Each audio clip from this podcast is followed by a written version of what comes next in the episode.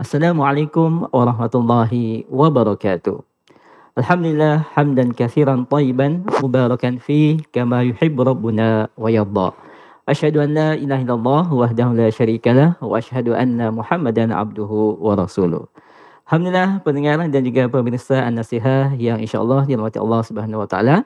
Ketemu lagi kita di program Rabu malam iaitu tanya jawab grup WhatsApp Zulkarnain MS. Alhamdulillah kesempatan untuk kita kembali menuntut ilmu dengan uh, lewat tanya jawab bersama guru kita Ustaz Zulkarnain bin Muhammad Sunusi Hafizahullah Ta'ala. Dan untuk program tanya jawab ini kita khususkan untuk yang sudah bergabung di grup WhatsApp Zulkarnain MS. Silakan bagi Anda yang belum bergabung ketik daftar dan kirim ke 0811 447 882 untuk grup Ikhwan dan di 0811 422 882 untuk bergabung di grup WhatsApp akhwatnya. Baik, kami kembali ingatkan, kami hanya membacakan pertanyaan-pertanyaan untuk Anda yang sudah bergabung di grup WhatsApp Zulkarnain MS. Baik, segera kita akan uh, membacakan beberapa pertanyaan sudah masuk ke redaksi. Segera Anda kirimkan pertanyaan terbaik Anda seputar dunia Islam uh, tentunya. Kita akan uh, bacakan dan kita akan dengarkan jawabannya dari guru kita Ustaz Zulkarnain bin Muhammad Sunusi Hafizahullah Ta'ala. Dan silakan juga simak siaran kita live streaming. Bisa Anda saksikan di channel YouTube, Facebook dan juga di Instagram. Channel Zulkarnain MS. Channel uh, YouTube dan TV dan juga Radio An-Nasihah. Baik, Barakallahu Fikum. Ustaz sudah bersama kita lagi di studio malam hari ini. Segera kita akan bacakan uh, beberapa pertanyaan yang sudah masuk ke redaksi. Baik Ustaz, uh, berikut pertanyaan pertama dari grup Akhwat 2. Saudari Lina bertanya, Ustadz dulu ayah saya sering melakukan perbuatan syirik. Tidur di makam, tidur di plafon rumah dan tidak makan selama satu pekan. Di pintu rumah kami juga ditempel kertas yang kata ayah saya isim, wallahu alam buat apa. Dan ayah saya juga dahulu pernah tidak sholat. Alhamdulillah sekarang sudah sholat kembali dan kejadian itu di, terjadi waktu saya masih kecil dulu. Apakah ada amalan atau doa yang bisa saya panjatkan supaya ayah saya tidak keras hatinya menerima hidayah? Dan bolehkah atau adakah rukyah syariah tanpa ayah saya ketahui boleh dilakukan terhadap ayah saya? Bismillahirrahmanirrahim. Alhamdulillahirrabbilalamin. Wassalatu wassalamu ala al-mabuthi rahmatan lil. Nabi Muhammad wa ala alihi wa sahbihi wa man tabi'ahum bi ihsanin ila yaumiddin amma ba'd. Jadi yang disebut oleh penanya ini dari hal-hal yang banyak terjadi ya di Indonesia. Nah di Indonesia ini apa namanya kecenderungan orang untuk percaya hal-hal seperti itu masih banyak. Kadang untuk mendapatkan hal-hal seperti itu dia rela melakukan apa saja. Ya kalau disebut dari ritual ya mungkin ya mau mengerjakan ritual apa saja ya banyak dari perbuatan ini itu masuknya kepada kesyirikan dia mengharapkan kepada selain Allah Subhanahu wa taala. Ada sebagian dari manusia kadang dibisiki untuk melakukan amalan-amalan Nanti kalau kamu lakukan amalan ini, kamu akan begini. Kalau kamu pegang benda ini, kamu... Dan itu tidak ada pensyariatannya, tidak ada hubungan sebab akibatnya. Maka itu bisa masuk di dalam syirik kecil. Tak ada sebagian hal yang terkait dengan menyembah kepada selain Allah. Kadang untuk katanya kalau sampai derajat tertentu dia harus meninggalkan dari sholat lima waktu, dari agama. Disuruh kufur kepada Allah. Karena semakin dia kufur kepada Allah, ilmu hitamnya, kesaktiannya tanda petik, atau eh, hal-hal uh, yang apa namanya uh, luar biasa tanda petik itu bisa uh, terlihat darinya. Ya, dan ini semuanya dari masalah-masalah kita di negeri ini. Sebab kesyirikan-kesyirikan itu pada keyakinan-keyakinan manusia itu merusak dari struktur kehidupan. Itu dari sebab hilangnya keamanan, hilangnya keberkahan. Karena itu Nabi Ibrahim alaihissalam di awal kali beliau memohon kepada Allah atau di awal kali beliau merintis kota Mekah, beliau memohon kepada Allah Subhanahu wa taala doa untuk kota Mekah itu.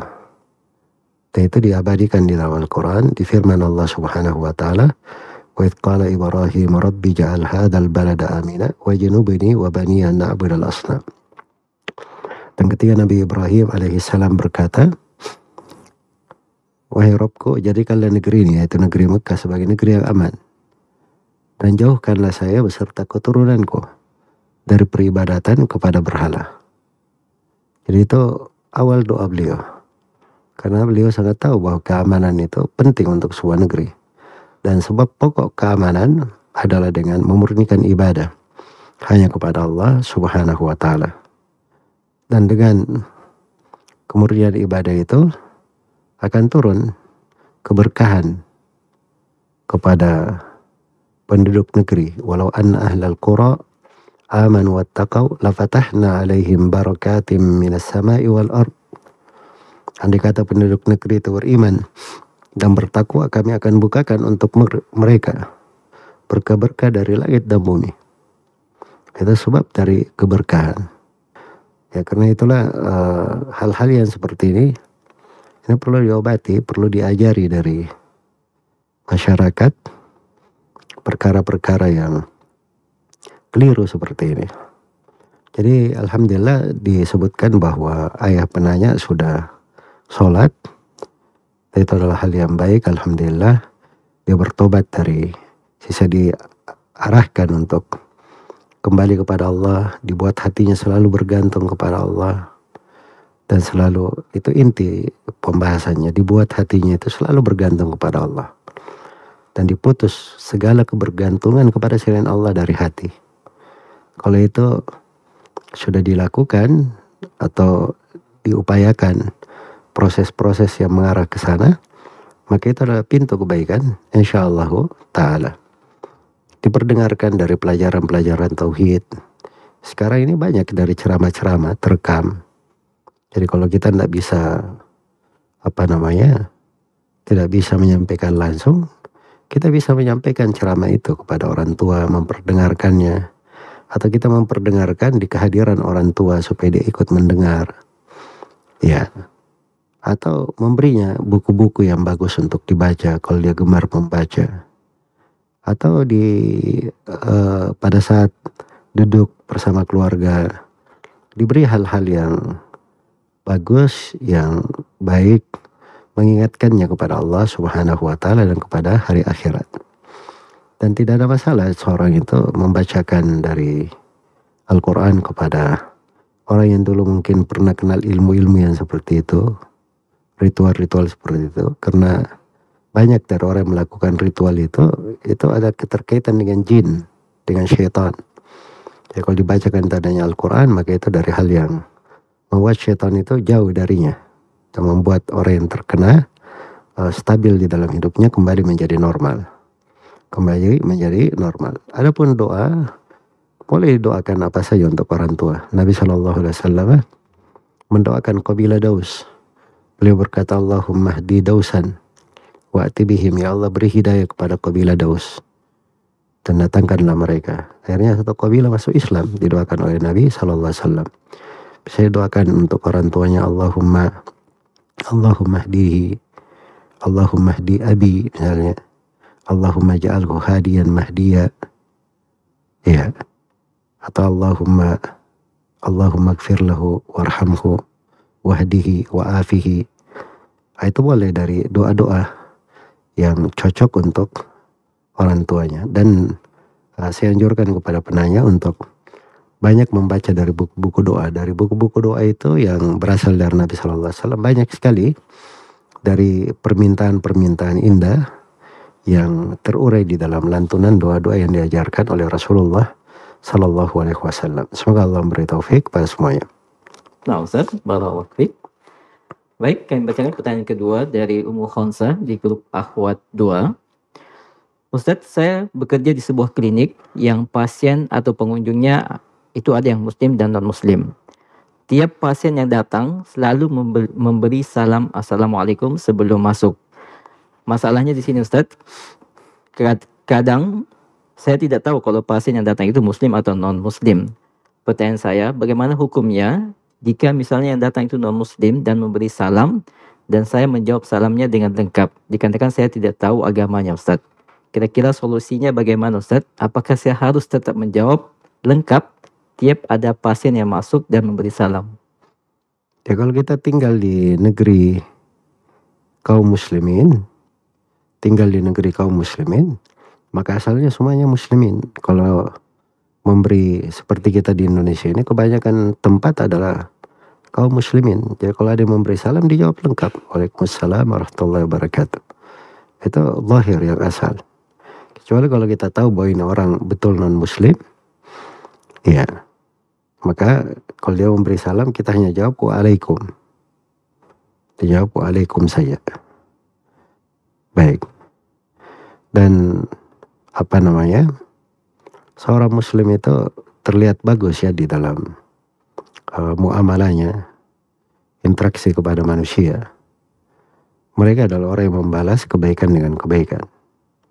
Bukan orang yang uh, apabila dilihat uh, tampak padanya sesuatu yang tidak baik atau ada hal yang dikhawatirkan. Tapi dia berusaha dengan akhlaknya mulia itu menjadi sebab hidayah untuk orang lain. Semoga Allah memberi taufik kepada semuanya. Baik Ustaz, Assalamualaikum. Baik selanjutnya dari Rahma di grup Akhwat 10. Ustaz ada hadis yang berbunyi secara kurang lebihnya begini. Uban yang dibiarkan begitu saja akan menjadi cahaya di kemudian hari.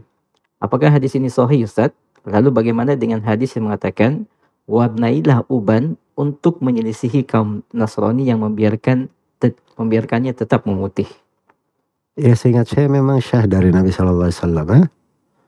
uh, sejumlah riwayat tentang uh, makruhnya mencabut uban, bukan haramnya tapi makruh. Karena uban itu dari cahaya untuk seorang hamba. Ya jadi itu larangan mencabut ubannya. Adapun di hadits yang lain itu perintah untuk anjuran bukan uh, kewajibannya anjuran untuk merubah uh, uban.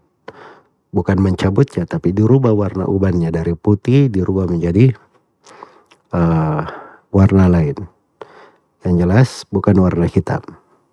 Dirubah menjadi warna merah atau yang semisal dengannya maka itu nggak ada masalah insya Allah taala.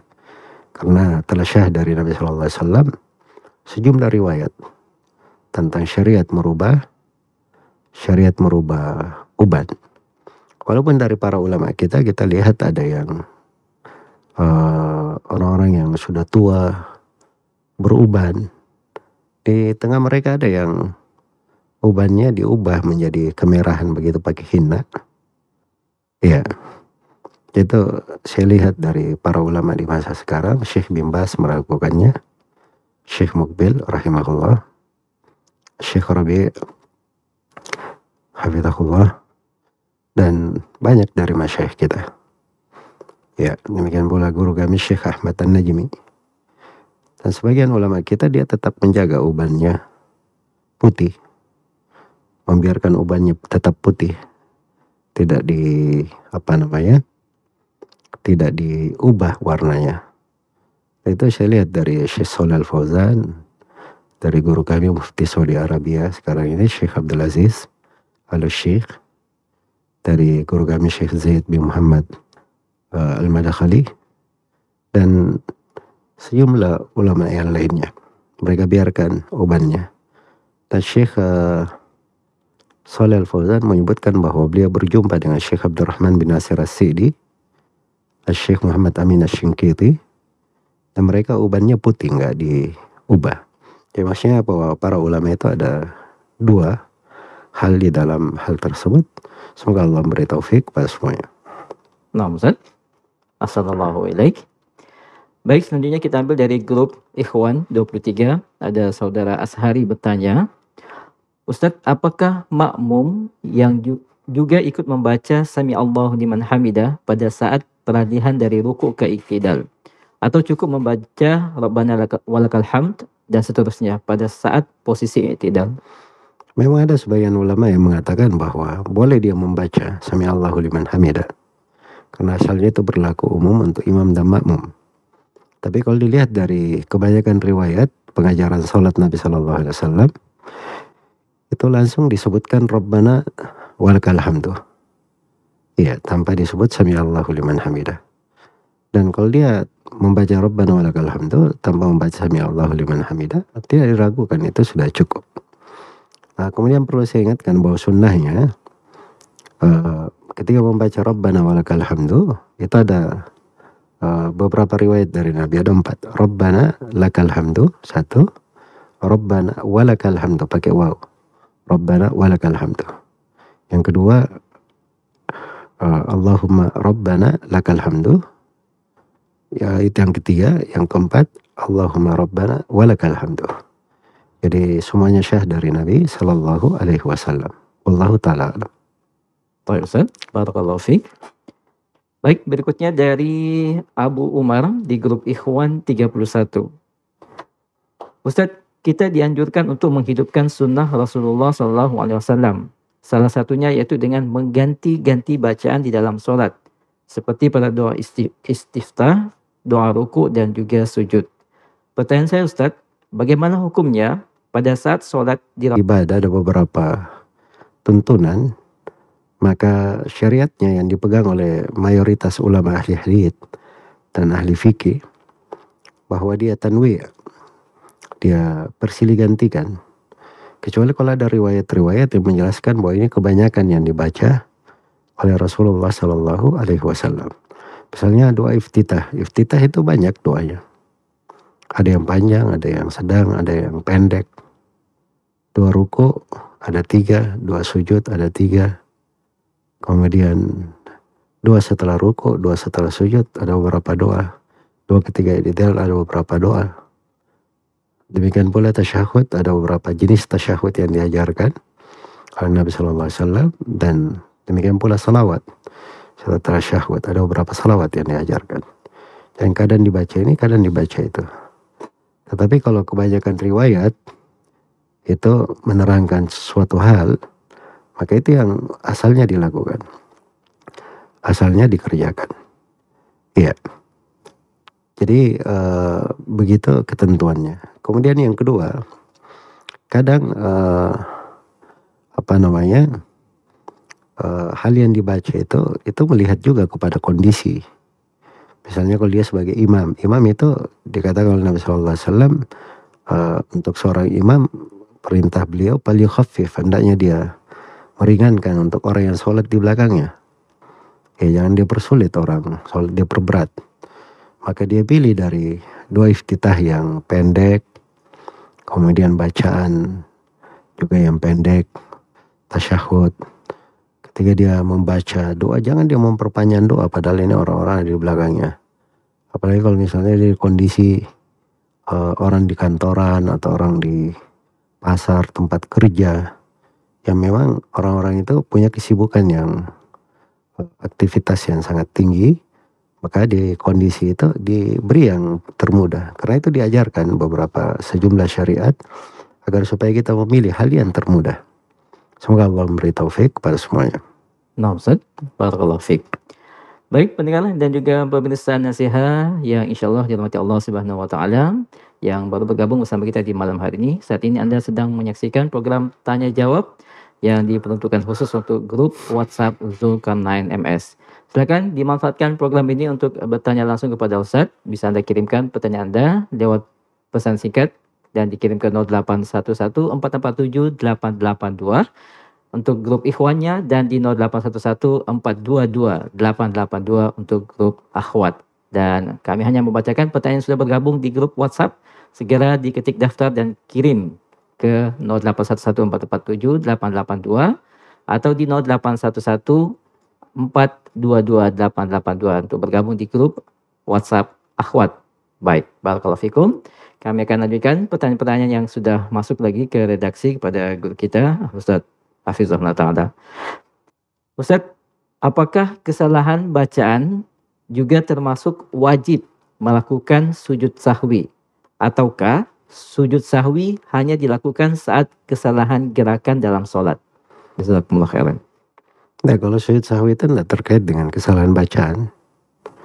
Ya, kalau dia tidak membaca surah sama sekali, ah, itu betul dia sujud sahwi karena dia dianggap dianggap meninggalkan kewajiban.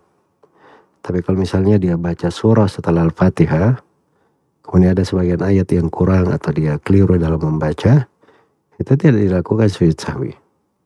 Karena telah syah dari Nabi Shallallahu Alaihi Wasallam beliau pernah melihat Ubay bin Kaab. Lalu beliau tanya, kamu tadi hadir sholat di belakang saya? Kata Ubay, iya. Kata Nabi Shallallahu Alaihi Wasallam, apa yang menahan kamu untuk apa namanya memperbaiki bacaan saya tadi? Jadi Nabi sendiri ada ingat bahwa ada hal yang samar bagi beliau tadi pada saat sholat. Ya. Dan itu tidak disebutkan bahwa Nabi melakukan sujud sahwi di dalam hal tersebut. Kemudian uh, sujud sahwi itu dari hukum-hukum yang disebutkan oleh para fuqaha Sujud sahwi itu dilakukan kalau dia meninggalkan uh, kewajiban atau meninggalkan dari rukun sholatnya. Ya, ya kalau misalnya dia meninggalkan lupa dua rakaat, dia tambah dulu dua rakaat lagi. Setelah itu dia sujud sahwi.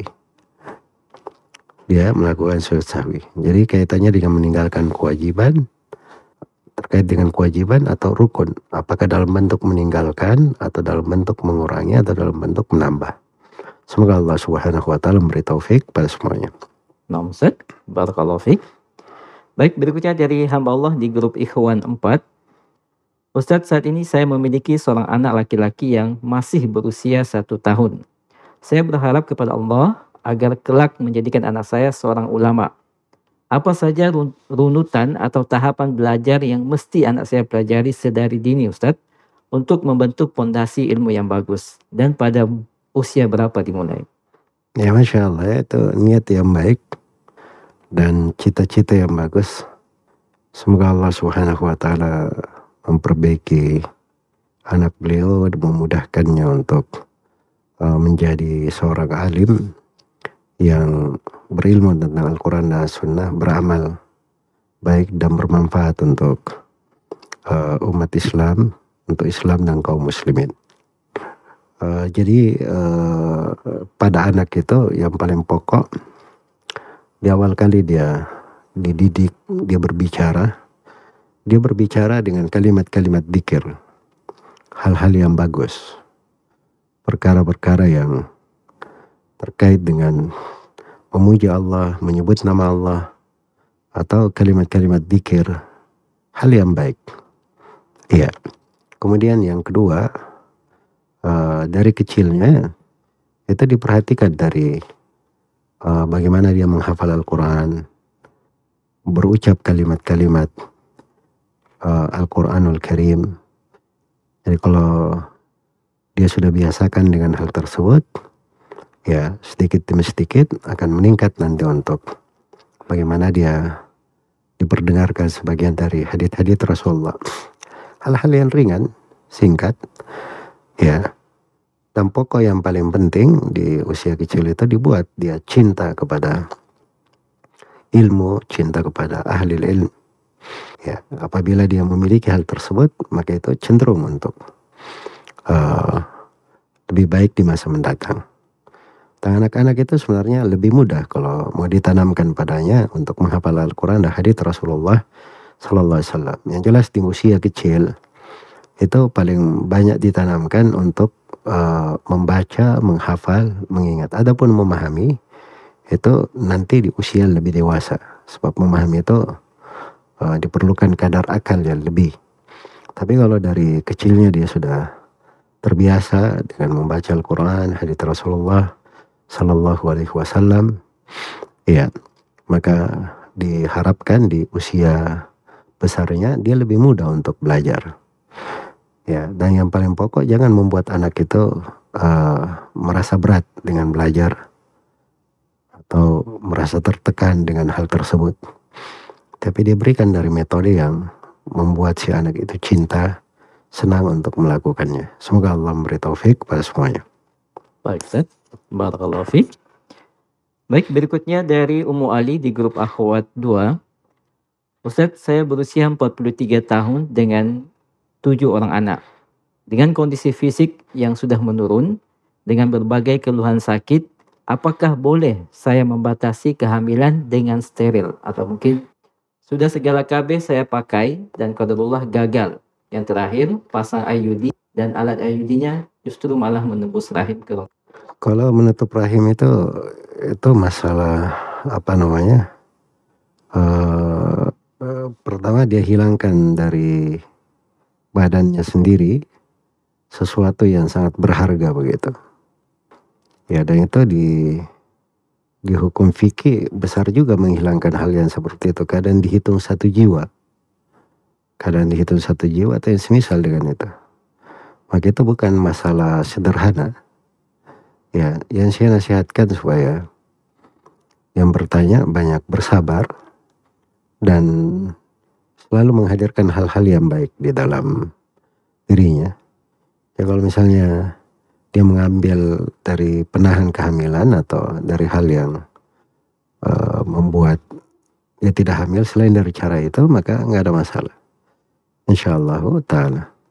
Tapi kalau uh, menutup kandungan saya nggak bisa mengatakan itu boleh ya di kondisi yang saya nggak tahu secara pasti kalau dari apa yang ditanyakan tadi itu tidak sampai ke kondisi darurat yang harus dia melakukan itu. Semoga Allah memberi taufik pada semuanya. Nah. Baik, selanjutnya dari grup akhwat 5. Apakah diperbolehkan menitipkan atau menginvestasikan emas selama satu tahun? Misalnya dengan sejumlah imbalan tertentu setiap bulannya. Dan apabila waktu yang telah disepakati berakhir, emas yang semula diinvent tersebut dikembalikan lagi kepada pemilik. Investasinya dalam bentuk apa? Itu yang perlu diterangkan. Jadi kalau investasi cuma disimpan doang, dari bentuk disimpannya itu nanti uh, ada apa namanya suatu yang balik per bulannya, nah itu namanya uh, dia tidak lepas dari perbuatan riba. Ya. Sebab itu dia bermain pada nilai. Bermain pada nilai. Dikeluarkan misalnya, disimpan emasnya, mungkin emas tersebut dihitung nilainya, kemudian diinvestasikan, tapi fisiknya tetap ada. Jadi kaitannya dengan masalah uh, sesuatu yang diambil dari nilai dan seterusnya itu masuk di dalam hutang piutang. Ya itu tidak diperbolehkan. Tapi kalau investasi dalam bentuk dia titip, misalnya ini emas saya punya 10 gram. Ya 10 gram ini dijual dulu, kemudian dipakai rupiah misalnya, dari rupiah itu dipakai modal usaha. Investasi dari hasil investasi ada yang dibagikan kepada pemilik emas.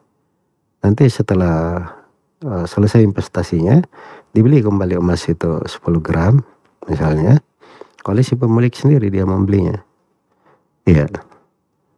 Atau sesuai dengan akad yang dilakukan karena bentuk akad itu ada ada apa namanya hubungan antara kedua belah pihak. Ada di situ menentukan beberapa hukum yang lainnya. Ya wallahu taala alam. Baik, selanjutnya dari apakah bisa membeli emas secara cicilan? Cicilnya bukan ke pegadaian Ustaz, tapi ke Nggak boleh ya mencicil emas itu nggak boleh. Karena emas itu dari barang yang apabila kita transaksi menggunakan uang, maka harus dibayar secara harus dibayar secara cash, harus saling pegang. Ya begitu ada emas kita bayar kontan pakai uang. Nggak boleh dibayar sebagian atau diansur. Nah, itu masuk di dalam riba nasiah namanya. Masuk di dalam riba nasiah dan itu tidak diperbolehkan. Itu tidak diperbolehkan. Ya, tapi kalau bahasanya ini emas saya saya uh, apa namanya? saya pinjamkan atau saya jual saya pinjamkan kepada engkau ya nanti dikembalikan uh, sesuai dengan kemampuan. Maka itu lain lagi pembahasannya itu masalah pinjam meminjam.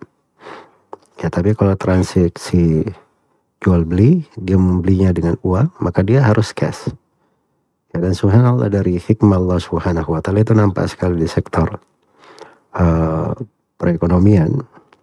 Ya karena nilai emas itu kadang cepat naiknya, kadang cepat turunnya. Maka diberi di dalam syariat ini ketentuan yang membuat hal tersebut stabil. Ya, kemudian nilai tukar yang terkuat itu selalu di emas dan perak. Ya, dan itu memperpengen apalagi di politik negara bisa menjatuhkan kurs orang dan seterusnya itu besar sekali. Ya, karena itu ketentuan syariat mengikat keras dalam hal itu karena subhanallah terbukti masalahnya itu besar sekali. Harus seperti itu caranya. Jadi ketika terjadi tukar emas dengan emas, ada dua syarat yang disyaratkan harus saling cash dan sama nilainya. Tapi kalau berbeda, ya antara dua jenis emas dengan perak misalnya atau emas dengan uang, uang dengan perak, maka boleh beda nilainya, tapi harus saling cash, saling pegang. Semoga Allah Subhanahu wa taala memberi taufik pada semuanya. Baik, selanjutnya dari hamba Allah di grup Akhwat 31. Ustaz, apa hukum jual beli produk pangan halal yang sudah diketahui maksud pembeli untuk acara bid'ah yang yang mana daerah tersebut sudah lazim dan hampir semua melakukan kegiatan bid'ah tersebut. Apakah jual beli ini menjadi haram, Ustaz? Ya, dalam Al-Quran Allah Subhanahu wa taala berfirman, tentang sifat orang yang beriman walladzina la yashhaduna zur mereka itu tidak menyaksikan hal yang palsu hal yang berbau dosa. Itu ditafsirkan oleh sejumlah ulama tentang perayaan-perayaan atau kebiasaan-kebiasaan yang tidak disyariatkan.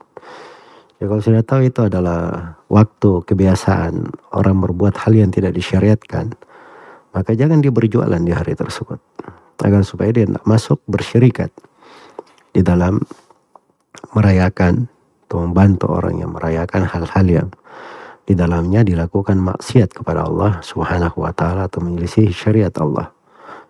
Ya Allah Subhanahu wa taala berfirman wa ta'awanu 'alal birri wat taqwa wa la ta'awanu 'alal itsmi wal 'udwan. Tolong menolonglah di atas kebaikan dan ketakwaan dan jangan tolong menolong di atas dosa dan permusuhan. Semoga Allah memberi taufik pada semuanya. Barakallahu fiik. Baik, selanjutnya kita ambil dari grup Ikhwan 16, uh, Abu Hafiz bertanya, Ustaz, saya telah menyampaikan kepada seorang teman, selain menzolimi diri sendiri, lebih juga menzolimi orang lain. Bagaimana yang Surah An-Nisa ayat 29 juga telah saya sampaikan. Namun teman saya ini tetap tidak menghiraukan apakah ini termasuk dalam pembatal keislaman Ustaz? Karena ingkar terhadap ayat. Nah itu keliru ya, jangan memahami seperti itu. Ya, itu berlebihan namanya. Kalau orang tidak terima, kemudian dia mengatakan, oh ini ingkar terhadap ayat Al-Quran.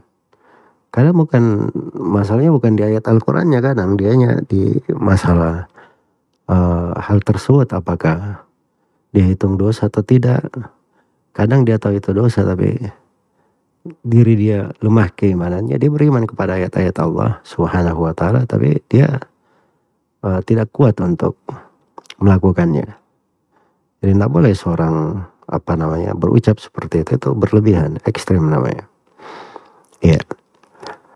Ada sebagian ulama yang apa namanya uh, uh, terkait dengan masalah hukum rokok itu sendiri itu memang dari kebanyakan ulama yang memberi fatwa adalah tentang haramnya hal tersebut. Tapi ada sebagian yang menganggap tidak sampai ke derajat haram, itu sampai kepada hal yang makruh saja.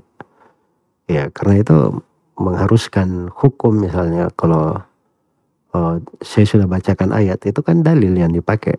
Semua pembahasan agama itu ada dalilnya. Bukan artinya orang yang berselisih tidak mengambil pendapat suatu pendapat, artinya dia menolak dalil, tidak. Tapi mungkin karena ada pendapat yang lain di dalam hal tersebut. Semoga Allah memberi taufik kepada semuanya.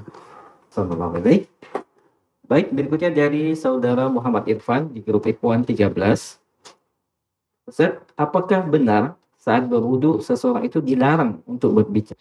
Ada uh, suatu riwayat dari Nabi Shallallahu Alaihi Wasallam tentang hal tersebut, tapi haditnya lemah. Haditnya lemah. Dan yang benarnya boleh berbicara pada saat beruduk, tidak ada larangan di dalam hal tersebut, apalagi kalau ada keperluan. Nah, cuman kalau dia berbicara dengan pembicaraan yang mengandung dikir kepada Allah, mengandung nama Allah, nah itu sebaiknya dia hindari. Sebaiknya dia hindari. Masuk ke dalam keumuman firman Allah, dalik wa may yu'azzim Allah fa min taqwal qulub. Sebab itu bagian dari mengagungkan syiar Allah Subhanahu wa taala. Dan Nabi wasallam pernah diberi salam oleh sebagian sahabat. Beliau tidak menjawab salam itu sampai beliau uh, bertayamum karena waktu itu tidak duduk ya, tidak ada air, maka beliau bertayamum. Baik. Sampai beliau bertahara. Jadi uh, itu dua hal ya. Hukum berbicara boleh saja. Yang kedua hukum berbicara dengan dikir. Nah, ini hukumnya makruh. Semoga Allah memberi taufik kepada semuanya. Baik, selanjutnya dari saudara Muhammad di grup Ikhwan 3. Ustaz, saya bingung terkait dengan sumpah yang saya lakukan. Apakah itu teranggap sumpah sebagai sumpah ataukah tidak karena saya ragu apakah saya mengucapkan sumpah tersebut dengan hati tanpa menggerakkan lisan namun mengungkapkannya dengan gerakan yang menggambarkan bahwa saya bersumpah dan berucap di dalam hati atau saya bersumpah dengan menggerakkan lisan dan menggerakkan bibir namun tidak sampai terbuka lebar seperti hanya orang yang mengunyah makan sambil mengungkapkannya dengan gerakan anggota. Ini gimana dia bersumpah dia tidak tahu dirinya kayak gimana bersumpah. Orang yang bersumpah itu, itu kalau dia ucapkan dengan lisannya, dia tegaskan dirinya bersumpah. Kalau dia berbicara di dalam hatinya itu tidak dihitung sumpah itu azam namanya orang yang berniat sungguh-sungguh. Ya, jadi harus dia periksa dirinya sendiri terkait dengan hal tersebut. Semoga Allah memberi taufik pada semuanya. Berikutnya dari saudara Firman Syah di grup Ikhwan. Ustaz, bagaimana hukumnya imam sholat jamaah, sholat jahal, misalnya isya atau subuh, yang selalu mengulang-ulang bacaan Al-Fatihah di ayat ghairin dua kali, lalu melanjutkan ayat setelahnya. Apa maksudnya mengulangi?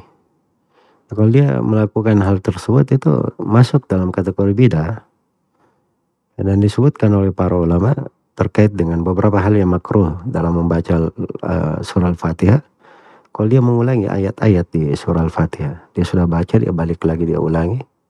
Ya. Itu masuk di dalam hal-hal yang makruh. Jadi kalau kadang ada keperluan misalnya, atau ada sebagian kalimat yang dia belum paskan, dia ulangi, maka itu nggak ada masalah. Tapi kalau dalam bentuk kefiat yang disebutkan tadi, itu hal yang tidak disyariatkan. Wallahu ta'ala alam. Maksud, Bapak Fik, Baik, kita masih ada waktu segera bagi yang sudah bergabung di grup WhatsApp eh, Zulkarnain MS dikirim peterbaik Anda kepada di grup Ikhwan dan di 0811422882. Baik. Selanjutnya dari Afid Sahrul Hamid di grup Ikhwan 3. Ustaz, manakah yang roji terkait dengan tata cara turun untuk sujud di dalam sholat? Apakah kaki dulu atau tangan dulu, Ustaz? Enggak kaki dulu ya. Kalau kaki dulu bagaimana caranya turun? Ya maksudnya lutut dulu, kemudian tangan atau tangan dulu kemudian lutut. Itu ada dua hadit. Ada dua hadit. Tapi hadit yang mengatakan tangan dulu, kemudian lutut, itu haditnya lemah. Nah hadit yang mengatakan lutut, kemudian tangan itu lebih lemah lagi. Jadi pada asalnya tidak ada sunnah yang tetap di situ. Dan posisi turun semua orang memaklumi. Ya karena itu uh, sejumlah ulama dan ini sebuah riwayat dari Imam Ahmad beliau membolehkan tangan dulu kemudian lutut atau lutut dulu kemudian tangan. Ada keluasan di dalam hal tersebut. Dan ini pendapat dikuatkan oleh beberapa ulama di masa sekarang termasuk guru kami Syekh Mukbil rahimahullah taala dan saya lebih condong kepada pendapat ini. Iya. Maka itu nggak ada masalah. Mau turun tangan dulu kemudian lutut, boleh. Mau lutut juga. Lutut dulu kemudian tangan juga boleh tidak ada masalah insyaallah taala semoga Allah memberi taufik pada semuanya Barakallahu Selanjutnya dari Ismail di grup Ikhwan 2. Ustaz, sampai kapankah anak berhak mendapatkan nafkah dari orang tuanya? Apakah jika sudah punya penghasilan, setiap pemberian dari orangnya berubah menjadi status? Anda terkait dengan nafkah itu nggak ada batasannya ya. Nah, nggak ditanyakan nafkah itu terhadap istri berapa lama dia jadi istri sehingga nafkahnya cukup. Atau terhadap anak berapa lama dia jadi anak. Enggak. Nafkah itu kewajiban nafkah terikat dengan sebab. Sebab karena nasab satu, sebab karena pernikahan dua, dan yang ketiga sebab karena kepemilikan. Ini di masalah perbudakan. Iya. Itu tiga sebab. Ya sepanjang sebab itu ada, kewajiban nafkah tetap berlanjut. Berlanjut sepanjang dia hidup. Dan sepanjang ada sesuatu yang di pundaknya yang bisa dia pikul. Dia pikul untuk hal tersebut. Ya, jadi kalau dia beri kepada anaknya pada kadar yang dia hidup, kalau kecukupannya itu kewajibannya, masih kewajibannya. Tidak dihitung hibah untuk anak. Semoga Allah memberi taufik kepada semuanya. Yang pertama dari Ummu Anissa di grup Akhwat 3. Saya sering kali melakukan ibadah dikarenakan diingatkan oleh pasangan saya. Karena mungkin kalau tidak diingatkan, saya bisa saja bermudah-mudahan perihal waktu sholat. Bisa saja bermudah-mudahan perihal menjaga aurat. Sesaja juga bermudah-mudahan perihal. Apakah saya salah Ustaz dalam hal tersebut? Karena saya melakukan ibadah bukan karena Allah. Apakah hal tersebut termasuk terhadap saya karena saya ditakdirkan berjodoh dengan itu bukan masalah apa namanya itu bukan karena Allah memang orang hidup perlu saling nasihat menasihati saling ingat mengingatkan Wadakir fa inna tanfa'ul mu'minin. Beri peringatan. Peringatan itu bermanfaat bagi orang yang beriman. Iya. Itu memang kehidupan. Jadi kalau kita diingatkan, kita melakukan hal tersebut, yaitu peringatan membang, membangkitkan keinginan. Adapun ibadah itu sepanjang dia sholat karena Allah, beribadah kepada Allah, maka itu sudah ikhlas kepada Allah Subhanahu wa taala. Sisa dia perbaiki, dia selalu tanamkan keikhlasannya kepada Allah dan dia syukuri orang yang menasihatinya, suaminya yang mengarahkannya. Semoga Allah memberi taufik pada semuanya. Dan satu pertanyaan terakhir dari saudari Dewi di grup. Ustaz, bagaimana hukumnya mencari tahu tafsir mimpi lewat Google? Hmm. Ini dari musibah yang menimpa banyak manusia di masa sekarang ini. Ya kalau ada apa-apa tanya ke Google. Ya. Mimpi itu dari masalah yang detail masalah yang detail. Karena itu apa namanya disebut uh, dengan bahasa fatwa. Orang yang meminta penjelasan tentang mimpi disebut minta fatwa. Karena dia ilmu sebenarnya. Tidak semua orang tahu ilmu itu. Tidak semua orang tahu ilmu tersebut. Tidak semua ulama bisa mentakwil mimpi. Iya. Kemudian mimpi itu ada mimpi datangnya dari Allah. Ada mimpi datangnya dari syaitan. Ada mimpi datangnya dari was-was diri sendiri. Ya mungkin sekarang lagi apa namanya sudah berapa hari ingin makan bakso gitu. Tiba-tiba di mimpi makan bakso. Oh ini tafsir mimpi saya apa? Makan bakso. Itu bukan tafsir mimpi ya itu pergi aja ke warung bakso sana makan dua mangkok sudah selesai karena memang dia pada dasarnya apa namanya jiwa dia yang membisiki seperti itu kadang ada orang mimpi itu pasti dari setan pasti dari setan seperti dia mimpi kafir kepada Allah mimpi keluar dari Islam ya atau mimpi didatangi oleh apa namanya orang yang mengajaknya supaya keluar dari Islam dengan bahasa yang bagus itu pasti dari setan pasti dari setan dalam mimpi datangnya dari Allah Subhanahu wa taala. Nah, pada hal-hal yang seorang itu apa namanya? mimpinya bagus, mimpi yang bagus, ya dia bersyukur kepada Allah Subhanahu wa taala. Ya. Hal yang dia tidak tahu maknanya enggak enggak usah dia ini, dia enggak usah dia pikirkan. Tidak usah dia pikirkan. Mungkin suatu hari maknanya akan kelihatan. Hal yang kelihatannya tidak bagus, itu langsung saja baca rajim meludah ke sebelah kiri tiga kali, insya Allah mimpi itu tidak akan membahayakannya. Jadi sebenarnya hidup itu santai. Yang mimpi mengganggu di kepala ini apa ininya, dia cari di Google, ya terus dia dia lihat ini kira-kira maknanya. Belum tentu itu terjadi.